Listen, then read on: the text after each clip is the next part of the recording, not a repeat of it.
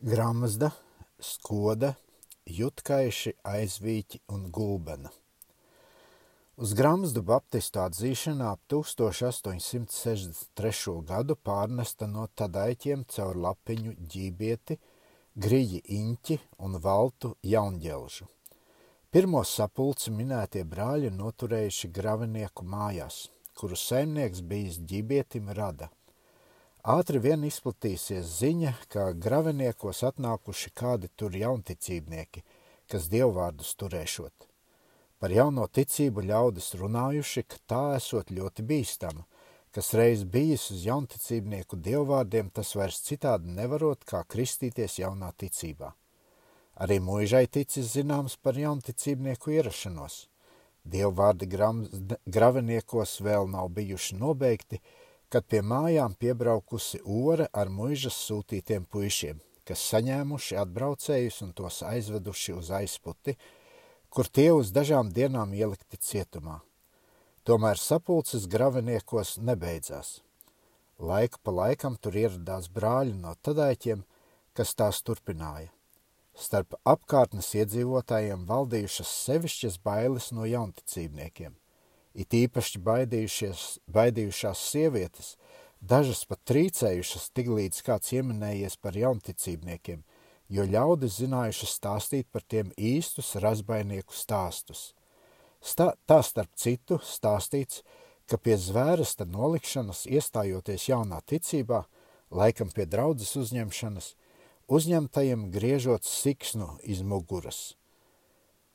Pirmā laikā sapulces arī šad un tad tapušas no muižas policijas traucētas – Tā reiz 1869. gadā Karsona mājās pa dievvvārdu laiku ienākusi muižas policija un pagasta vecākais, atrāvuši sapulcējušamies grāmatas un sagrābuši sapulces vadītāju klābi aiz apkakles, lai to no istabas izsviestu, bet tā kā pēdējais nav ļāvies, tad tam atrauti apkakles stūri.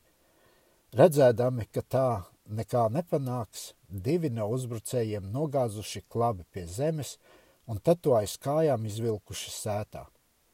Tam līdzīgi arī klājies citiem dalībniekiem. Izdzītie tūliņi aizgājuši uz kaimiņu novadu bātu un tur mažu mājās turpinājuši savu izjaukto sapulci. Gadu vēlāk Karsona mājās dievvvārdu laikā atkal ieradās muižas policija – pagasta vecākā vadībā un raudzīja sapulci, izjaukt. Tomēr tas nesot izdevies. Sapulces vadoņa Jēkaba Iņķa noteiktā un bezbailīgā uzstāšanās uzbrucējus tā izbiedējusi, ka tie neuzdrošinājās nevienam rokas pielikt. Pagasta vecākais gan atkal licis pēc vecā paraduma grābt un vilkt ārā, bet šoreiz neviens no tā puišiem tam nav klausījis. Vietējais kungs von Korfs, redzēdams, ka pats ar baptistu sapulcēm vairs nevar tikt galā, iesniedzis sūdzību pie Karsonu un, par, pret Karsonu un Niņķi, bet iznākums bijis tas, ka pašam sūdzētājam piespriests rājiens. Līdz ar to vajāšanas mitējušās. No graviniekiem sapulces drīz vien pārnūk, pārnākušas uz Gramzas vecģībiešu mājām kuras nokalpojušas par sapulces vietu 18 gadus. Šie arī notikušas pirmās kristības apkārtnē, kurās tapa kristīta ezeru mājas saimnieks Veids, Jēkabs Ģībietis un Jēkabs Galķins. Atstājuši vecģībiešus, draudzes locekļi uzcēluši sev īpašu lūkšanas namu. Tagad šī draudzes skaita ap simt locekļu, atrodas Jelgavas draudzes sludinātāja Lauberta kalpošanā – un ir pazīstama zem vārda Gramsdas draudze. No Gramsdas draudzes 80. gada beigās izcēlusies īpaša draudzītes Skodas miestā Kauņas guberņā. To laiku Gramsdas draudzē bijuši vairāki locekļi, kas dzīvojuši Skodas miestiņā un apkārtnē. Šie sākuši noturēt īpašas sapulces kāda draudzes locekļu namā Skodā – līdz beidzot pilnīgi atdalījušies no Gramsdas un palikuši par patstāvīgu draudzīti. Ar laiku Gramsdas draudzes attālāki dzīvojušiem locekļiem palika nērti nākt uz vecģībiešiem un tie sāka pulcēties burvju mājās. Šis pulciņš iztaigājis dažne dažādas vietas, līdz kamēr uz ilgāku laiku nogruntējies raužu muižā, kuru to brīdi turējis uz renti kāds draudzes loceklis Kristaps Glūdiņš. No turienes sapulces pār, sapulce pārcelta pāri kurzemes robežai leišu pusē, jutkaišu krogā. Tur bijis ļoti nērti, jo tai pašā namā, kurās svētdienas rītos noturēti dievvārdi, vakaros tapis dzerts un trokšņots. Šie apstākļi spieduši draudzi apskatīties pēc grunts gabala lūkšanas nama celšanai. 1897. gadā draudze nopirka no jutkaišu muižas divas pūrvietas lielu zemes gabalu, uz kura tagad paceļas stalta sarkanu ķieģeļu ēka, baptistu lūkšanas nams. Jutkaišu draudze tagad skaita ap 120 locekļu. Sabiedrības šķelšanās laikā šīs draudzes sastāvs savā agrākās sapulces turējies pie bijušā sabiedrības priekšņa, priekšnieka Rumberga. Daļa no locekļiem ar to nebija mierā. Tie atstājās no draudzes un sāka apmeklēt lūkšanas namu Gulbenā, kur jau līdz ar 1879. gadu bija nodibinājusies draudze. Bet tā kā pēdējais ir diezgan atstatu, Tad kāds aizviķos dzīvojošs draudzes loceklis Trēmanis uzaicinājis pulcēties pie sevis. Tas arī noticis, un tā izcēlusies aizviķos īpaša draudzīte. Viņas pirmais sludinātājs bijis vecais Fricis Ulberts. No 1895. gada aizviķu draudzītei ir savs īpašs lūkšanas nams.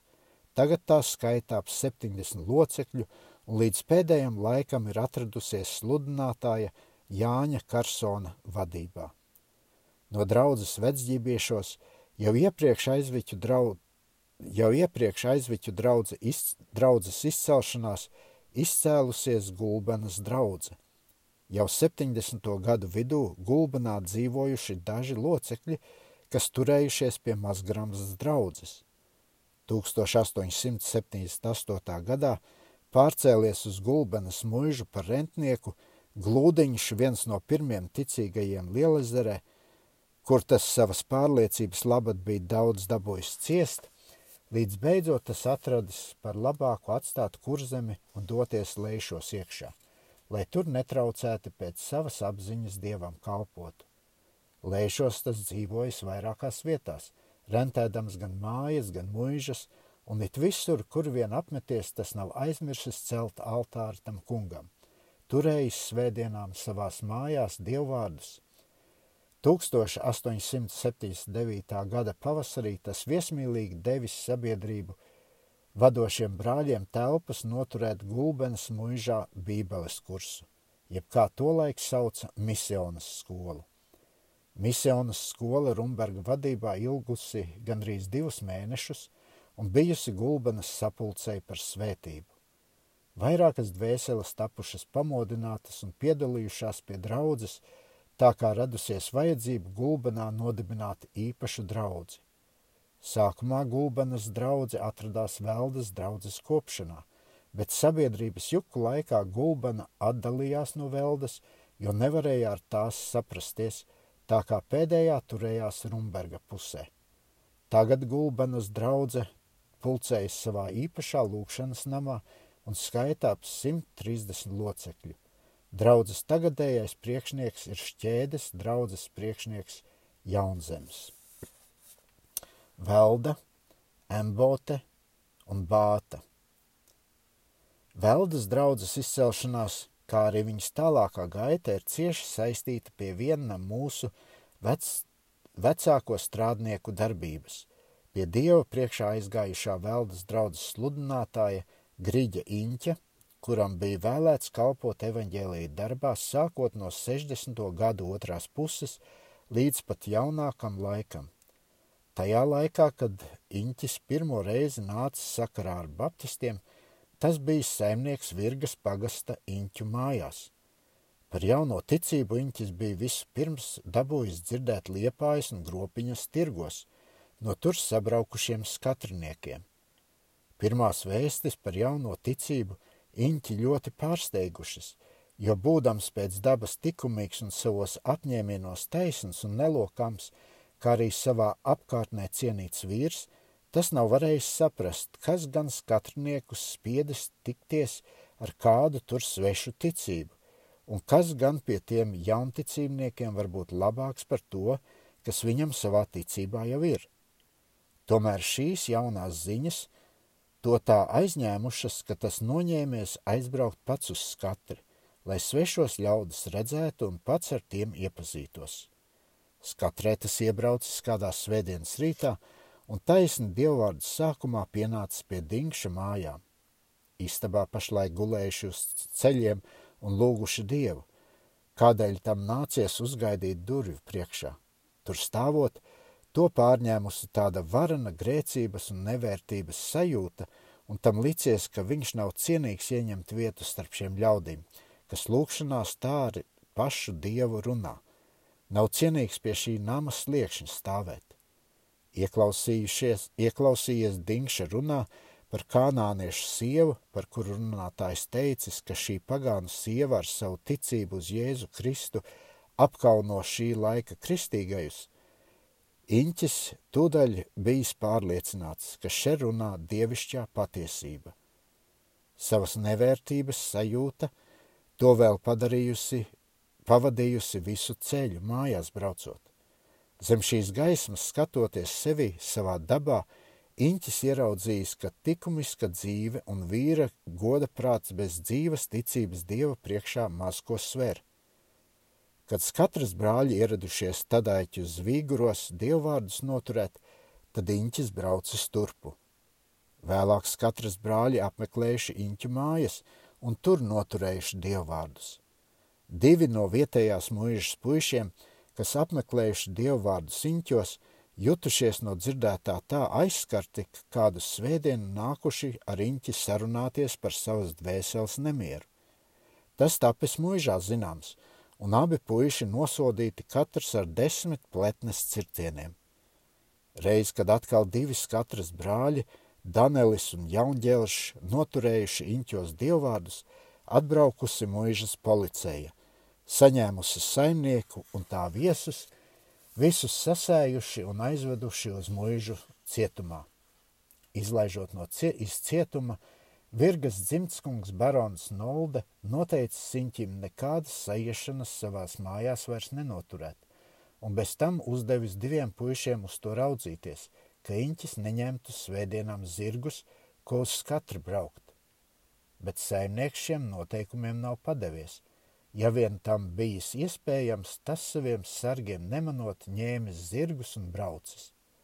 Barons par to ļoti sadusmojies, un beidzot neklausīgo saimnieku līdz ar visu tā iedzīvi izlicis iz mājām, un visiem saviem saimniekiem aizliedz siņķi savās mājās uzņemt.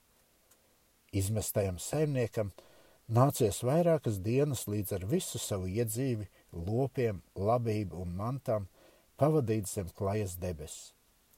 Tad atbraucis kāds nogājies saimnieks, kam trūkusi labības sēkla un kurš nespējis savus laukus viens kārtīgi apkopt un lūdza siņķi, lai nāk dzīvot pie viņa. Inķis bijis ar mieru un aizgājis turpu.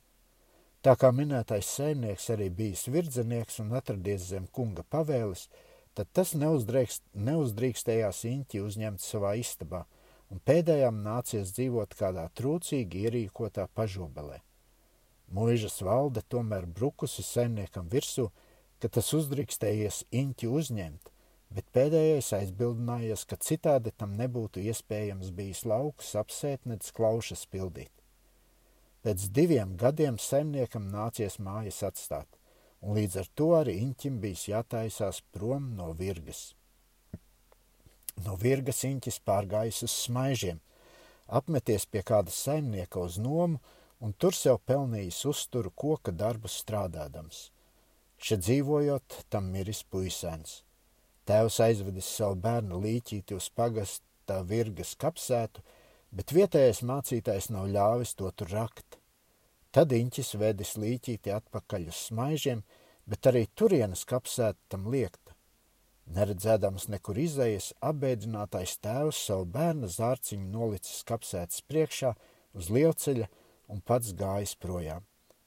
Garām gājēji paziņojuši mācītājam, un pēdējam neatlicies nekas cits, ko darīt, kā uzdot perminderiem, lai taču līķīti aprok kapos. Smaižos Inķis nodzīvojis dažus mēnešus. Tad tas dabūjis zināt, ka vietējā pagastiesa taisās to iz pagasta izdzīt. Smaiža kungs, kas pret Inķi bijis laipns, tam pats to paziņojis un ieteicis pirms tiesas ierašanās kaut kur izbraukt, jo tad tiesa nevarēšot viņa mantību iz mājām izlikt, tā kā paša īpašnieka nesot klāt. Inķis šim padomam paklausījis, lai gan tas nesot nācies viegli, jo pats tas pat labāk bijis slims ar karsoni. Pateicoties šādai izsma, izmukšanai, tas varējis vēl minētās mājās nodzīvot līdz jūrģiem. No smaižiem Inķis pārcēlies uz stadaiķiem, un no turienes iztaigājis vēl divu vietas, līdz beidzot dabūjis veldā uzņemt vecvagaru mājas, kurās tas arī nodzīvojis līdz sava mūža pēdējām dienām.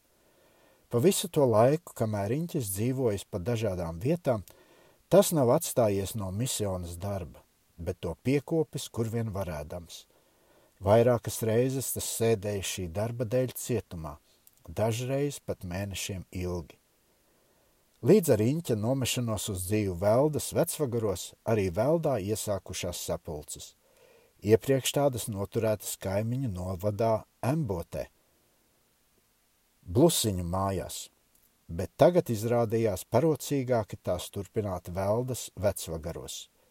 Garīgā darbība gājusi rosīgi vien uz priekšu, jo 70. gadu beigās vecvagaros ierīkota pat nedēļas skola, kurai reiz brāļa rēķa vadībā bijuši vairāk par 80 skolēniem. Sapulces telpas saimas istabā palikušas par šaurām tā kā bija jādomā par īpaša lūkšanas nama celšanu. Un 1882. gadā uz vecvagara māju gruntes uzcelts viens no mūsu laiku draudžu lielākiem un skaistākiem lūkšanas namiem. Sabiedrības juku laikiem 80. gadu vidū veldas draudze neizgāja vesela cauri. Jau lūkšanas nama būve tanīs laikos piedzīvojumu un padomu padoma trūkuma dēļ smags un neparasts apsākums, kurš draudzi pat piespieda parādus uzņemties, sacēla locekļu starpā nevienprātību.